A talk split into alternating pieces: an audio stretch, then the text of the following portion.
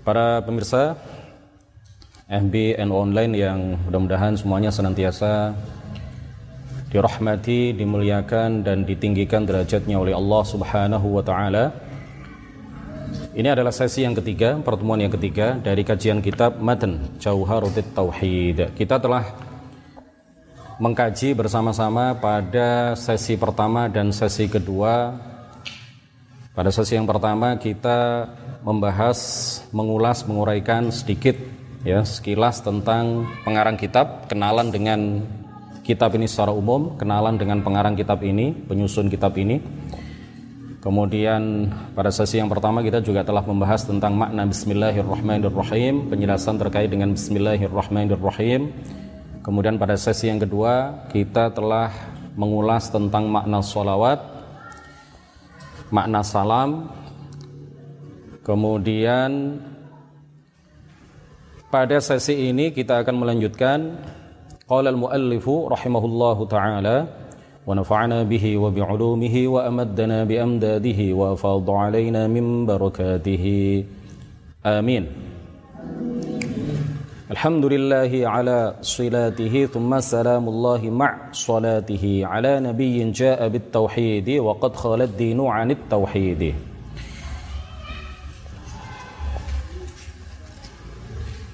Nazam yang pertama sudah kita bahas penjelasannya. Alhamdulillahi ala salatihi thumma salamullahi ma' salatihi. Sekarang nazam yang kedua Bait nazam yang kedua. Ala nabiyyin Ja'a bit tauhidi wa qad khalad dinu anit tauhidi Nabi ala nabiyyin.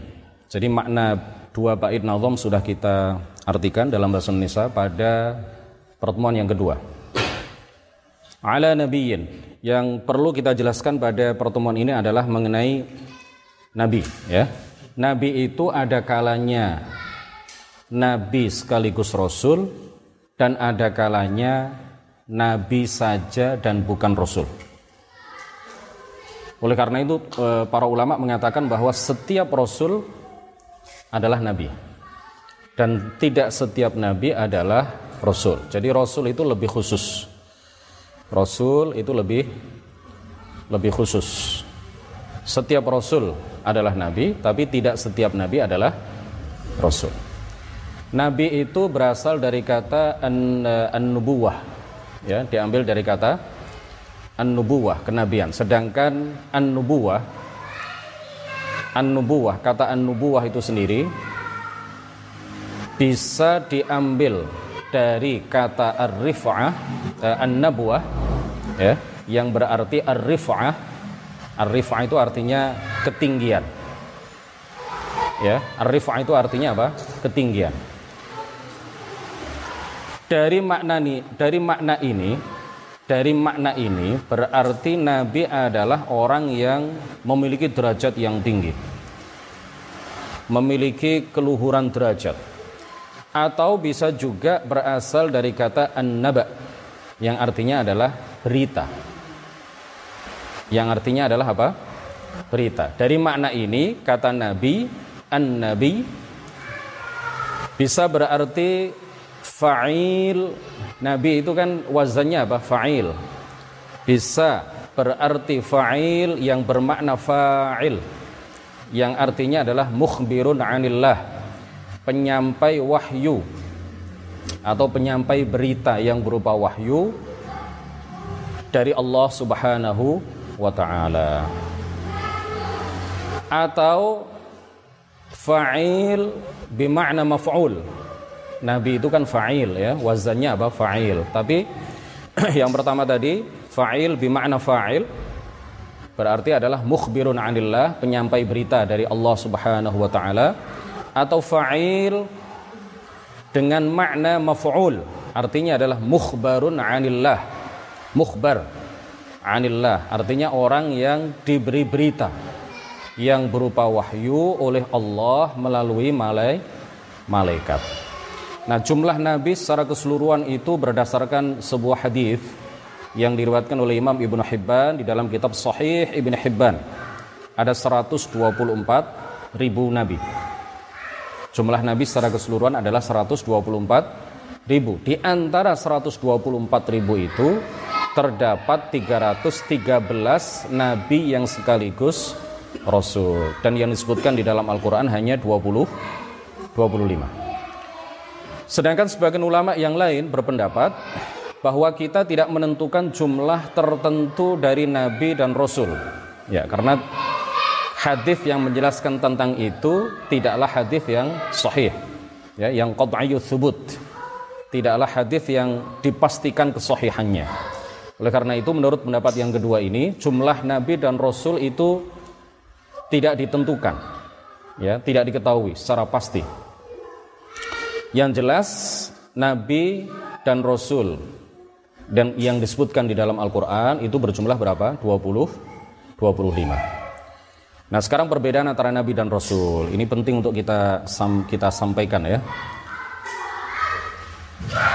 perbedaan antara nabi dan rasul yang umum, yang sangat populer yang disebutkan di dalam beberapa kitab bahwa nabi adalah orang yang mendapatkan wahyu dari Allah untuk dirinya sendiri.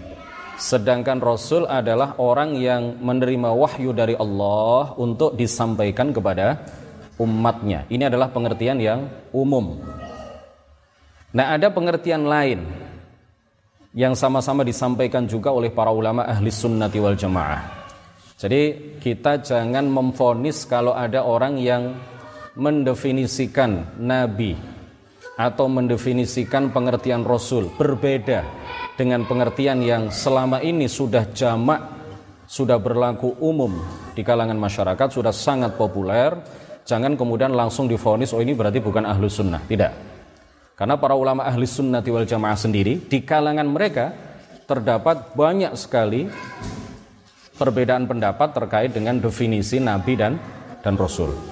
Jadi definisi yang umum itu yang biasa kita dengar, yang biasa kita baca, kalau nabi dapat wahyu dari Allah untuk dirinya sendiri sedangkan rasul dapat wahyu dari Allah untuk disampaikan kepada kepada umatnya. Nah, ini satu definisi dan ini yang umum. Ini yang umum. Tetapi ada kritikan dari para ulama ahli sunnati wal jamaah yang lain bahwa definisi ini pertama tidak sesuai dengan Al-Quran, yang kedua tidak sesuai dengan hadis, dan yang ketiga tidak sesuai dengan akal sehat. Ya, oleh karena itu ada definisi lain yang patut untuk kita sampaikan Ya, definisi ini disampaikan di antaranya oleh Al-Imam Al-Baydawi di dalam kitab tafsir Al-Baydawi. Disampaikan juga oleh Al-Imam Abu Mansur Al-Baghdadi di dalam, di dalam kitab Usuluddin. Disampaikan juga oleh Al-Hafidh Ahmad Al-Ghumari dan para ulama ahlus sunnah yang lain. Jadi sama-sama pendapat para ulama ahli sunnati wal, wal jamaah. Nah, definisi yang kedua ini mengatakan bahwa perbedaan, perbedaan dulu. Ya, saya akan menyampaikan pendapat yang kedua. Ada perbedaan antara nabi dan rasul dan ada persamaan antara nabi dan dan rasul. Perbedaan antara keduanya adalah bahwa rasul itu datang dengan membawa syariat baru, membawa hukum-hukum baru. Sedangkan nabi tidak datang dengan membawa hukum-hukum baru. Tidak datang dengan membawa syariat baru melainkan diperintahkan mengikuti syariat Rasul yang datang sebelumnya. Ya, seperti Ambia Bani Israel, para nabi di kalangan Bani Israel yang diutus oleh Allah Subhanahu wa taala antara Nabi Musa dengan Nabi Isa alaihi salam. Semuanya mengikuti syariat Nabi Musa. Semuanya tidak diturunkan kepada mereka syariat baru. Mereka dapat wahyu dari Allah untuk mengikuti syariat yang dibawa oleh Nabi Musa alaihi salam. Karena mereka semuanya nabi dan tidak ada satupun di antara mereka yang rasul. Oleh karena itu mereka tidak datang dengan membawa syariat baru melainkan diperintahkan oleh Allah untuk mengikuti dan menyebarluaskan serta mengajarkan syariat yang dibawa oleh Nabi dan Rasulullah Musa alaihi salam. Kemudian perbedaan yang kedua di antara nabi dan rasul. Kalau nabi itu hanya ada di kalangan manusia. Sedangkan rasul itu ada di kalangan manusia dan juga ada di kalangan malaikat. Allah Subhanahu wa taala berfirman, Allahu yastafi minal malaikati rusulan wa minan nas. Innallaha sami'un basir. Allah Subhanahu wa taala memilih para rasulnya dari malaikat, dari kalangan malaikat dan juga dari kalangan manusia. Jadi kalau rasul itu ada di kalangan manusia dan ada juga di kalangan malaikat. Bukankah malaikat Jibril itu adalah Rasulullah? Ya, Rasulullah. Utusan Allah yang Allah utus untuk membawa dan menurunkan wahyu kepada para nabi. Di antaranya adalah nabi kita Nabi Agung Muhammad sallallahu alaihi wasallam. Kemudian antara nabi dan rasul itu ada persamaannya. Ya, menurut pendapat yang kedua ini. Persamaannya apa? Pertama sama-sama memperoleh wahyu dari Allah. Yang kedua adalah sama-sama diperintahkan menyampaikan wahyu kepada umatnya. Karena salah satu sifat wajib bagi nabi adalah apa? Bagi nabi dan juga rasul adalah apa? Sifat tabligh. Sifat apa? Tabligh, menyampaikan wahyu. Menyampaikan berita yang berupa wahyu yang diterima dari Allah Subhanahu wa taala melalui perantaraan malaikat. Disampaikan kepada siapa? Disampaikan kepada umatnya. Nah, pendapat yang kedua ini mengatakan bahwa dalil bahwa nabi yang bukan rasul, artinya yang nabi saja bukan rasul, itu juga diperintahkan tabligh, diperintahkan menyampaikan wahyu kepada orang lain, kepada umatnya, tidak hanya untuk dirinya sendiri. Ya, dalilnya adalah beberapa ayat Al-Qur'an dan juga beberapa hadis. Di antaranya adalah Al-Qur'an surah Az-Zukhruf ayat 6. Allah Subhanahu wa taala berfirman, Wa kam arsalna min nabiyyin fil. Betapa banyak nabi-nabi yang telah kami utus kepada umat-umat yang terdahulu. Jadi di sini dikatakan oleh Allah Subhanahu wa taala apa? Nabi. Wa kam arsalna min nabiyyin. Betapa banyak para nabi, betapa banyak nabi yang telah kami utus kepada umat-umat terdahulu. Jadi di sini menggunakan redaksi apa? Ayat ini menggunakan redaksi apa? Nabi. Dan nabi di dalam ayat ini ditegaskan oleh Allah, diutus oleh Allah. Diutus itu artinya apa? Diperintahkan untuk menyampaikan wahyu bukan hanya untuk dirinya sendiri wahyu itu tetapi diperintahkan untuk disampaikan kepada umatnya. Itu makna irsal itu. Itu makna apa? Mengutus ya. Mereka diutus. Nabi itu diutus oleh Allah itu artinya apa? Diperintahkan menyampaikan wahyu. Ini satu dalil. Dalil yang lain misalkan ya, ada beberapa ayat Al-Qur'an. Wa ma arsalna min qablika min rasulin wala nabiyyin illa idza tamanna alqa syaitanu fi umniyatihi. Suratul Hajj ayat 52. Dan kami tidak mengutus seorang rasul kata Allah dan tidak pula mengutus seorang nabi sebelum engkau Muhammad melainkan apabila dia berdakwah dan membaca suatu bacaan setan pun berusaha mengambil kesempatan untuk mengatakan sesuatu yang tidak dikatakan olehnya untuk mengelabui manusia bahwa itu adalah perkataan nabi dan rasul tersebut. Jadi dalilnya adalah yang bagian awal dari ayat ini. Wa ma arsalna min qablika mir rasulin wala nabi. Dan tidaklah kami mengutus sebelum engkau wahai Muhammad ya baik itu seorang rasul maupun seorang nabi. Jadi dalam ayat ini ditegaskan oleh Allah Subhanahu wa taala bahwa baik nabi maupun rasul itu adalah diutus oleh Allah. Diutus oleh Allah. Artinya apa?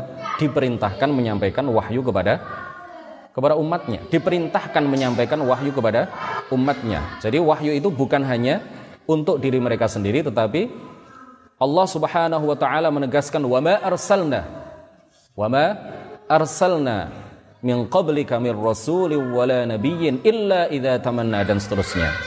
Jadi kalau nabi dan rasul dalam ayat ini ditegaskan oleh Allah diutus oleh Allah itu artinya apa? Diperintahkan untuk menyampaikan wahyu kepada umatnya. Dan masih banyak lagi ayat-ayat yang yang lain. Kemudian dari segi hadis misalkan ya. Dalam sebuah hadis Rasulullah sallallahu alaihi wasallam Kenapa ada gangguan? Ada gangguan? Enggak. Ada gangguan? Enggak. Aman. lancar. Jaringannya lancar. Kita lanjutkan. Di dalam sebuah hadis yang diriwayatkan oleh Imam Al-Bukhari dan juga Imam Muslim bahwa Rasulullah sallallahu alaihi wasallam bersabda, "Kana an-nabiyyu yub'atsu ila qaumihi khassatan wa bu'ithtu ila an-nasi kaffatan." Nabi terdahulu itu diutus oleh Allah Subhanahu wa taala khusus kepada kaumnya.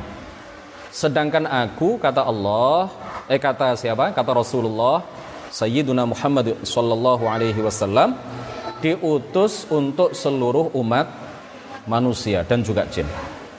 Jadi Nabi sebelum kedatangan Nabi Muhammad sallallahu alaihi wasallam, para nabi sebelum Nabi Muhammad itu diutus kepada kaumnya. Apa makna diutus?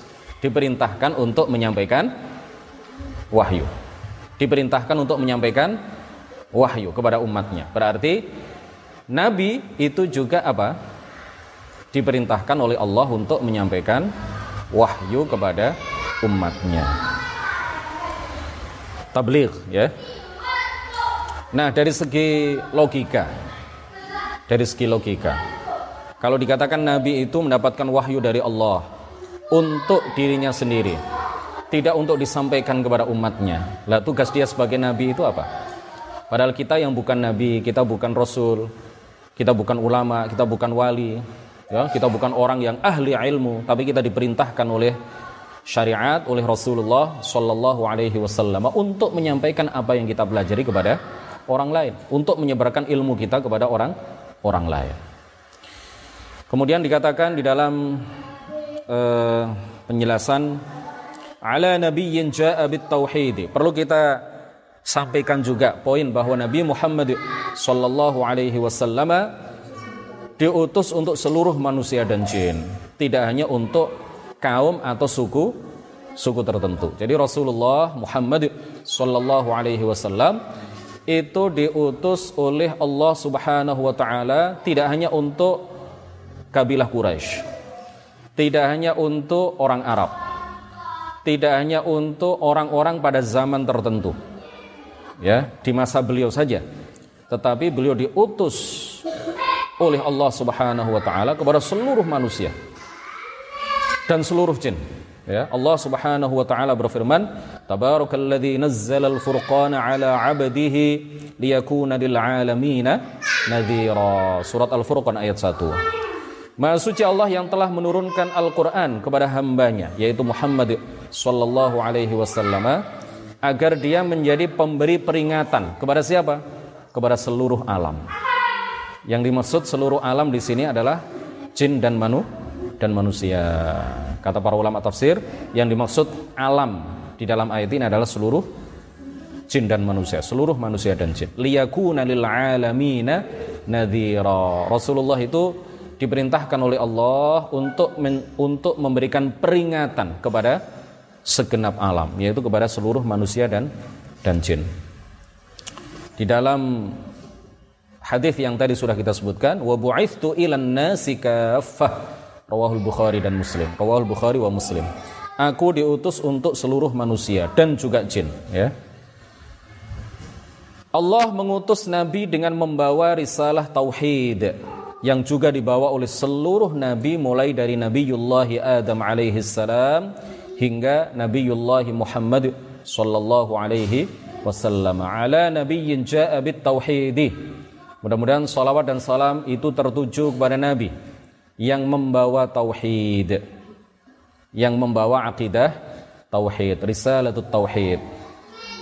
Rasulullah sebagaimana nabi-nabi sebelumnya, sebagaimana sebagaimana rasul-rasul yang datang sebelum beliau, semuanya diperintahkan oleh Allah untuk menyampaikan risalatut tauhid, aqidatut tauhid, ya. Akidah yang sama bahwa tiada Tuhan yang berhak disembah kecuali hanya Allah Subhanahu wa taala, risalah yang sama, misi yang sama.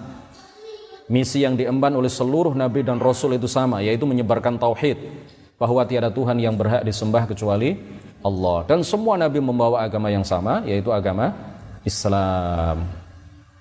Tidak ada nabi yang membawa agama selain Islam. Nabi Adam adalah seorang muslim, umat Nabi Adam adalah umat Islam. Nabi Nuh adalah seorang muslim, umat Nabi Nuh adalah kaum kaum muslimin. Nabi Ibrahim, umat Nabi Ibrahim, Nabi Musa, umat Nabi Isa, Nabi Musa, Nabi Isa, umat Nabi Isa, semuanya adalah muslim. Tidak ada satupun nabi yang membawa agama selain selain Islam. Ya. Jadi Islam al-Islamu dinu jami'il anbiya. Islam itu adalah agama seluruh seluruh nabi. Makanya Rasulullah Shallallahu Alaihi Wasallam di dalam sebuah hadis sahih riwayat Al Bukhari dan juga riwayat imam-imam periwayat hadis yang lain. Beliau mengatakan al u ikhwatun li'allat. Para nabi itu ibarat saudara-saudara seayah tetapi beda ibu. Ibarat ibarat. Seumpama saudara-saudara satu ayah tapi beda beda ibu. Kenapa mereka diserupakan oleh Rasulullah Shallallahu Alaihi Wasallam sebagai ikhwatun li'allat li'ab ya? Sebagai saudara-saudara satu ayah Rasulullah menjelaskan dalam penggalan hadis berikutnya dinuhum wahidun agama mereka satu. Agama mereka sama yaitu Islam. Wa ummahatuhum syatta dan syariat yang dibawa oleh masing-masing nabi dan rasul itu berbeda berbeda-beda makanya para ulama ya banyak di antara mereka yang mengatakan bahwa agama samawi itu hanya satu agama samawi itu tidak tiga agama samawi itu hanya hanya satu yaitu apa? Islam. Inna dina indallahil Islam. Sesungguhnya satu-satunya agama yang benar yang diridhoi oleh Allah hanyalah Islam.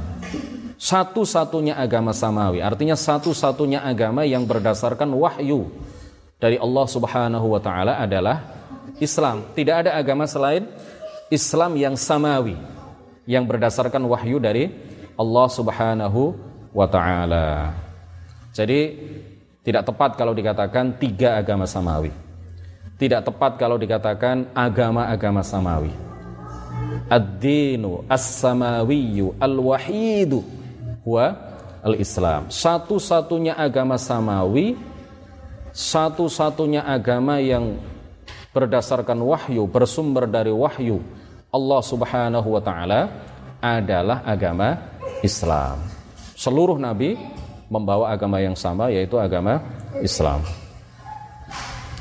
Nah, tauhid itu menurut para ahli bahasa di antaranya adalah al-fairuz zabadi. Artinya adalah beriman kepada Allah semata. Tauhid itu secara bahasa artinya adalah apa? Beriman kepada Allah semata. Imanun billahi wahdah. Menurut para mutakallimin, para ahli ilmu kalam dari kalangan ahlus sunnati wal jamaah tauhid itu artinya adalah ifradullahi bil ibadah ay adamu isyraki syai'in bihi adamu isyraki syai'in bihi artinya bahwa tauhid menurut para mutakallim menurut para ahli kalam ahli ilmu kalam adalah beribadah hanya kepada Allah. Beribadah hanya kepada Allah artinya apa? Tidak menyekutukan Allah dengan sesuatu apa pun. Tidak menyekutukan Allah dengan sesuatu apa pun. Jadi tauhid itu intinya adalah apa? Meyakini keesaan Allah pada zat, sifat dan perbuatannya serta menyucikannya dari penyerupaan terhadap makhluknya dari semua segi. Jadi kalau seseorang itu sudah meyakini bahwa Allah esa pada zatnya, artinya zat Allah tidak sama dengan zat-zat makhluk. Allah esa pada sifatnya, artinya sifat-sifat Allah tidak sama dengan sifat-sifat makhluk. Allah esa pada perbuatannya, artinya tidak ada yang berbuat terhadap alam semesta ini. Dalam arti tidak ada yang menciptakan alam semesta ini kecuali hanya Allah Subhanahu wa taala kemudian disertai dengan menyucikan Allah dari penyerupaan terhadap makhluk dari semua segi, dari semua sisi, maka orang tersebut berarti disebut sebagai ahli tauhid. Disebut sebagai muwahhid. Berarti dia telah mentauhidkan Allah Subhanahu wa taala. Nah, Al-Imam Fakhruddin Ar-Razi di dalam kitabnya Asasut Taqdis di dalam kitab beliau Asas At-Taqdis. Beliau mengatakan Ahlut tauhid wa tanzih humul ladzina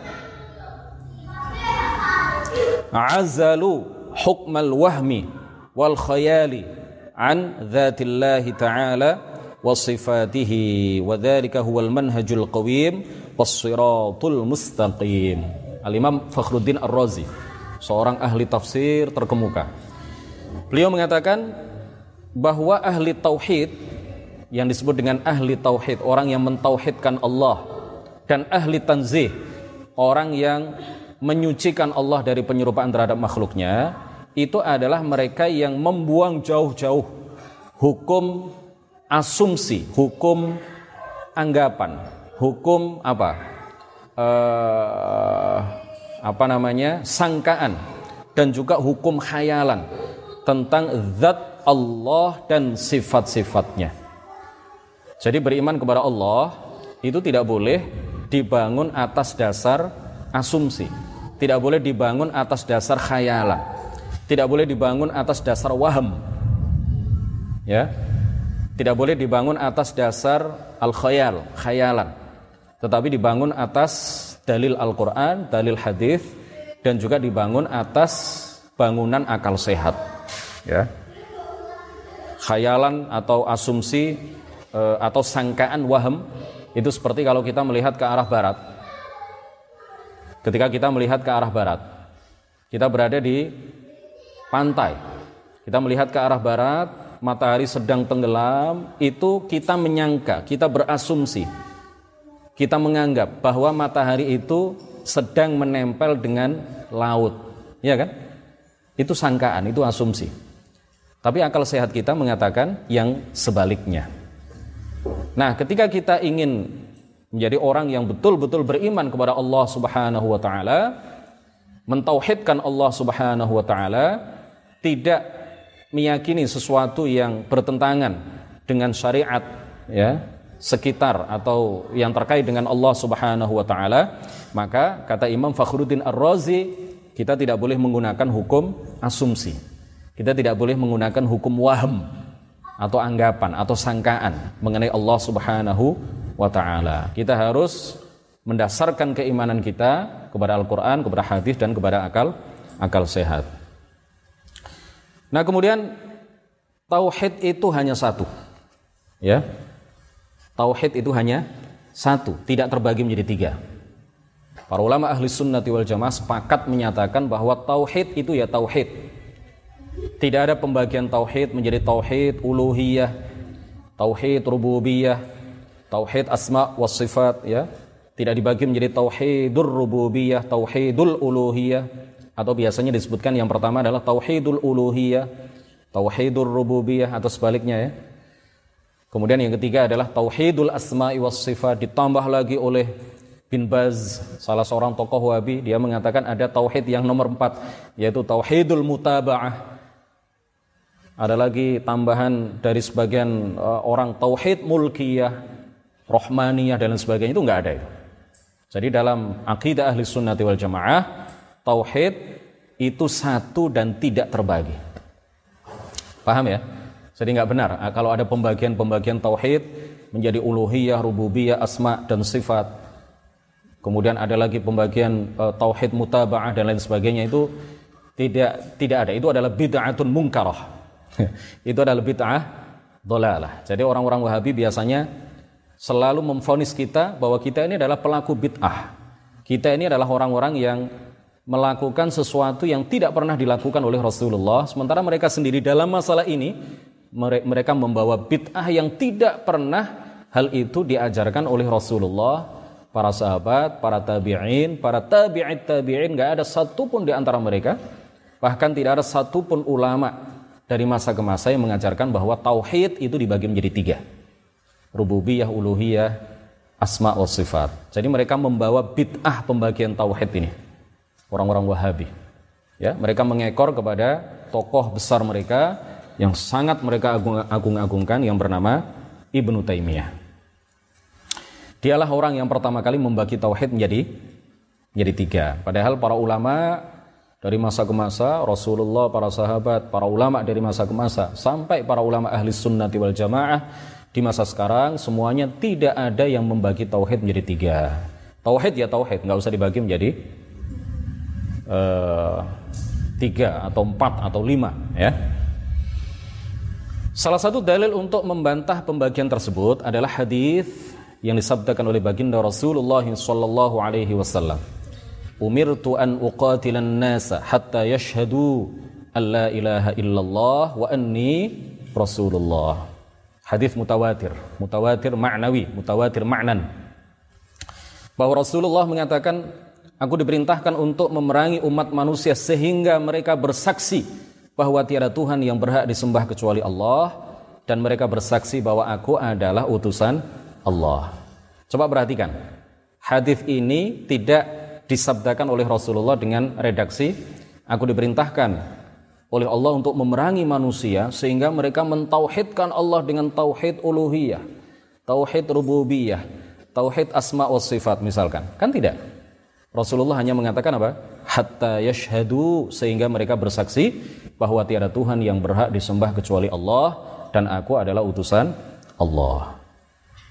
Nah, hadis ini mutawatir, ya, mutawatir maknawi Lafadznya mungkin berbeda-beda, tetapi jalur periwayatannya sangat banyak dan para perawinya dari satu tobakoh ke tobakoh berikutnya itu luar biasa banyak.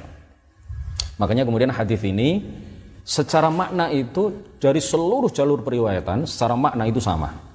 Meskipun lafadznya agak agak-agak berbeda sedikit tetapi tidak saling bertentangan secara makna. Saling menguatkan antara satu jalur periwayatan dengan jalur periwayatan yang yang lain. Jadi hadis ini diriwayatkan oleh 15 orang sahabat. Di tobakoh yang pertama, ya, yang mendengar langsung dari Rasulullah terkait dengan hadis ini ada 15 orang sahabat. Di antara mereka adalah al-asyarah al-mubasysyaruna bil jannah. Ya, 10 orang sahabat yang dijamin oleh Rasulullah masuk ke dalam surga. Kemudian hadis ini diriwayatkan oleh banyak sekali para perawi hadis. Di antaranya adalah Al-Bukhari, Muslim, Abu Dawud, At-Tirmidzi, An-Nasai, Ibnu Majah dan lain-lain.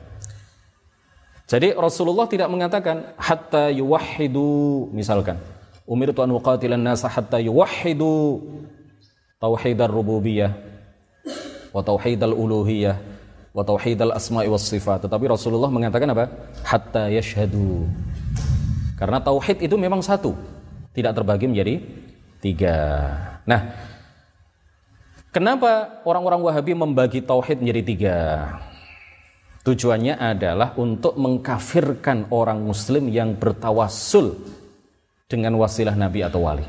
Kata mereka, seorang Muslim yang bertawassul dengan wasilah seorang Nabi, wasilah orang soleh, wasilah orang yang sudah berderajat sebagai wali, maka itu sama dengan orang-orang kafir orang-orang musyrik ketika itu yang mengakui Allah sebagai Tuhan tetapi masih beribadah kepada berhala.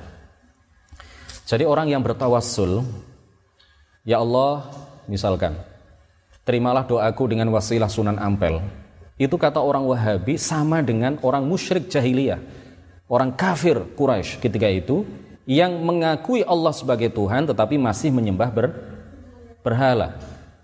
Para pelaku tawassul itu mengakui Allah sebagai Tuhan, kata mereka, tetapi masih menyembah perantara-perantara, masih menyembah Sunan Ampel, masih menyembah Kanjeng Nabi, masih menyembah para wali. Itu artinya apa? Hanya mentauhidkan Allah dengan tauhid rububiyah, hanya mengakui Allah sebagai Tuhan, ya, tetapi apa? Tidak beribadah hanya kepadanya, tidak mentauhidkan Allah dengan tauhid uluhiyah. Ya, jadi mereka mereka ada di kitab-kitab mereka lucu itu ya. Jadi orang-orang Wahabi itu mengatakan bahwa orang-orang kafir Quraisy itu bertauhid kepada Allah dengan tauhid rububiyah. Masa orang kafir itu kemudian bertauhid kepada Allah, mentauhidkan Allah? Ya. Ini lucu yang paling lucu ini, kelucuan yang paling lucu. Bagaimana cara mereka berpikir ya? Bagaimana cara mereka berpikir? Mereka tidak jernih di dalam menyampaikan masalah ini. Kenapa? Karena taklid buta mereka kepada Ibnu Taimiyah yang merupakan tokoh sentral mereka, mereka tidak mau mengatakan sesuatu yang berbeda dengan tokoh mereka. Karena Ibnu Taimiyah sudah membagi tauhid menjadi tiga, maka mereka juga membagi tauhid menjadi menjadi tiga. Kemudian pembagian tauhid menjadi tiga itu juga dimaksudkan untuk mengkafirkan seorang muslim yang mentakwil ayat-ayat mutasyabihat. Yang mentakwil ayat-ayat mutasyabihat. Seperti ayat Ar-Rahmanu 'alal 'arsy istawa. istawa kata orang Wahabi nggak boleh diartikan, nggak boleh ditakwil dengan makna menguasai. Tidak boleh ditakwil dengan makna uh, atau istaula, menundukkan dan menguasai tapi harus diambil apa adanya. Harus dimaknai dengan makna zahirnya, yaitu Allah duduk di atas arsh. Kata mereka. Allah bertempat tinggal istaqarra atau jalasa di atas arsh atau duduk di atas arsh.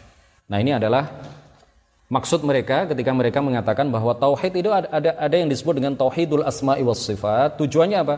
Untuk mengkafirkan seorang muslim yang melakukan takwil terhadap ayat-ayat yang seakan-akan, yang seolah-olah ayat itu memiliki makna bahwa Allah memiliki sifat-sifat makhluk. Seperti ayat Ar-Rahmanu ala al-arshistawa. Kalau ada seseorang yang memahami ayat ini, kemudian mentakwil ayat ini dengan makna bahwa Allah yang maha kuasa, menundukkan dan menguasai arsh, apa kata orang Wahabi? Kafir orang ini. Itu artinya dia tidak mentauhidkan Allah dengan tauhidul asma'i was sifat.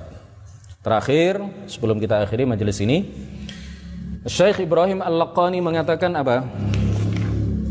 Di dalam uh, penggalan kedua dari bait yang kedua, dari bait nazam yang kedua, qad wa qad dinu 'anit tauhid. Dan agama itu telah kosong dari satu. Ya. Dan agama itu tauhid di sini diartikan oleh sebagian uh, pensyarah kitab ini dengan makna at-tafarrud ya, makna lugawi. Bukan tauhid yang tadi kita terangkan. Artinya apa? Agama telah kosong dari satu. Artinya ketika Nabi Muhammad sallallahu alaihi wasallam datang membawa akidah tauhid, datang dengan membawa agama Islam, orang-orang ketika itu dan pada masa jahiliyah memeluk beberapa agama yang batil. Memeluk beberapa agama yang batil. Jadi mereka tidak hanya memeluk satu agama yang batil. Makanya dikatakan apa? Waqad khalad dinu 'anit tauhidi.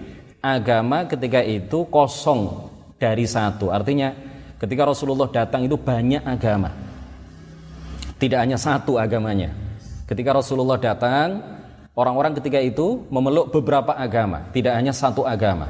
Dan semuanya tidak benar ya agama-agama ketika itu tidak ada satupun yang uh, diridhoi oleh Allah Subhanahu wa taala. Kemudian paling akhir Allah Subhanahu wa taala berfirman, "Lakum dinukum waliyadin." Apa artinya lakum dinukum waliyadin? Jadi Allah mengawali surat Al-Kafirun dengan perintah kepada Nabi Muhammad sallallahu alaihi wasallam untuk mengatakan kepada orang-orang kafir, Qul ya ayyuhal kafirun. Kemudian di ayat yang terakhir Rasulullah diperintahkan untuk menyampaikan kepada mereka, mendeklarasikan kepada mereka, memaklumatkan kepada mereka lakum dinukum waliyadin. Artinya apa? Ai lakum dinukumul batil fatrukuhu waliya dini al-haq fattabi'uhu. Katakan wahai Muhammad kepada mereka, bagi kalian agama kalian yang batil maka tinggalkanlah. Dan bagiku agama agamaku yang benar maka ikutilah. Itu yang dimaksud dengan lakum dinukum waliyadin. Demikian kajian kita pada pertemuan yang ketiga ini. Mudah-mudahan bermanfaat Subhanakallahumma wa bihamdik asyhadu an la ilaha illa anta astaghfiruka wa atubu ilaik. La ilaha illallah. Allahumma shalli ala sayyidina Muhammad wa ala alihi wa sahbihi wa sallim. Rabbi ighfir li wa liwalidayya wa lil mu'minina wal mu'minat. Wassalamu alaikum warahmatullahi wabarakatuh.